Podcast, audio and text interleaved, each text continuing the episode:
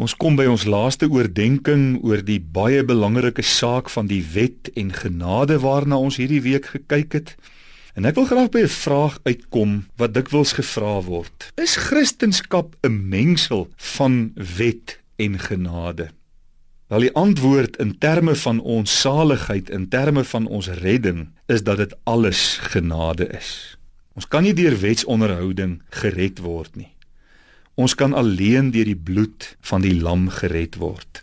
En terwyl dit hierdie jaar dan ook nou hervormingsjaar is of die 500ste herdenking van Martin Luther, wil ek u na een van die belydenisskrifte toe vat, die Heidelbergse Katekismus. En daarin vraag 1 lees ons: Wat is jou enigste troos in lewe en in sterwe?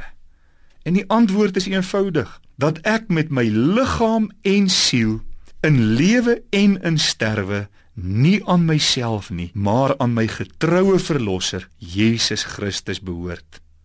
Hy het met sy kosbare bloed vir al my sondes ten volle betaal en my uit alle heerskappy van die duiwel verlos. Hy bewaar my nou op so 'n wyse dat sonder die wil van my hemelse Vader geen haar van my kop kan afval nie.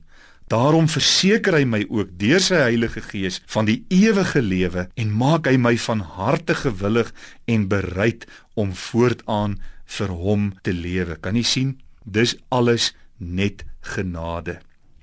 Die tweede vraag, hoeveel dinge moet jy weet om in hierdie troos salig te kan lewe en sterwe? En die antwoord is 3 dinge. In die eerste plek, hoe groot my sonde en elende is. Daarvoor het God die wet gegee.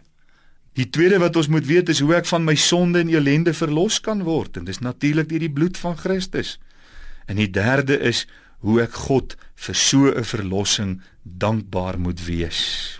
Nou sê Hebreërs 10 vers 16. Dit is die verbond wat ek met hulle sal sluit na die dae spreek die Here.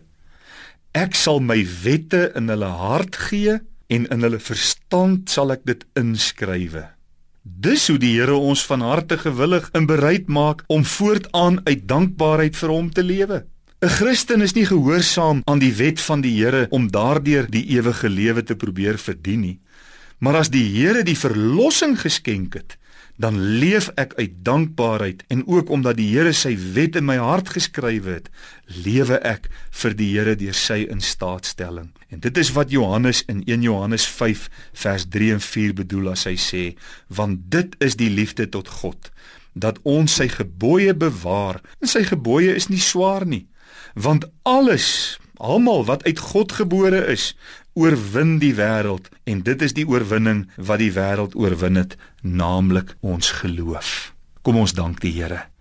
Hemelse Vader, dankie dat ons kon leer die wet is ons tugmeester na Christus toe en alles wat Christus vir ons gedoen het en wil doen en ook in die toekoms sal doen, is alles God se louter guns en genade. Amen.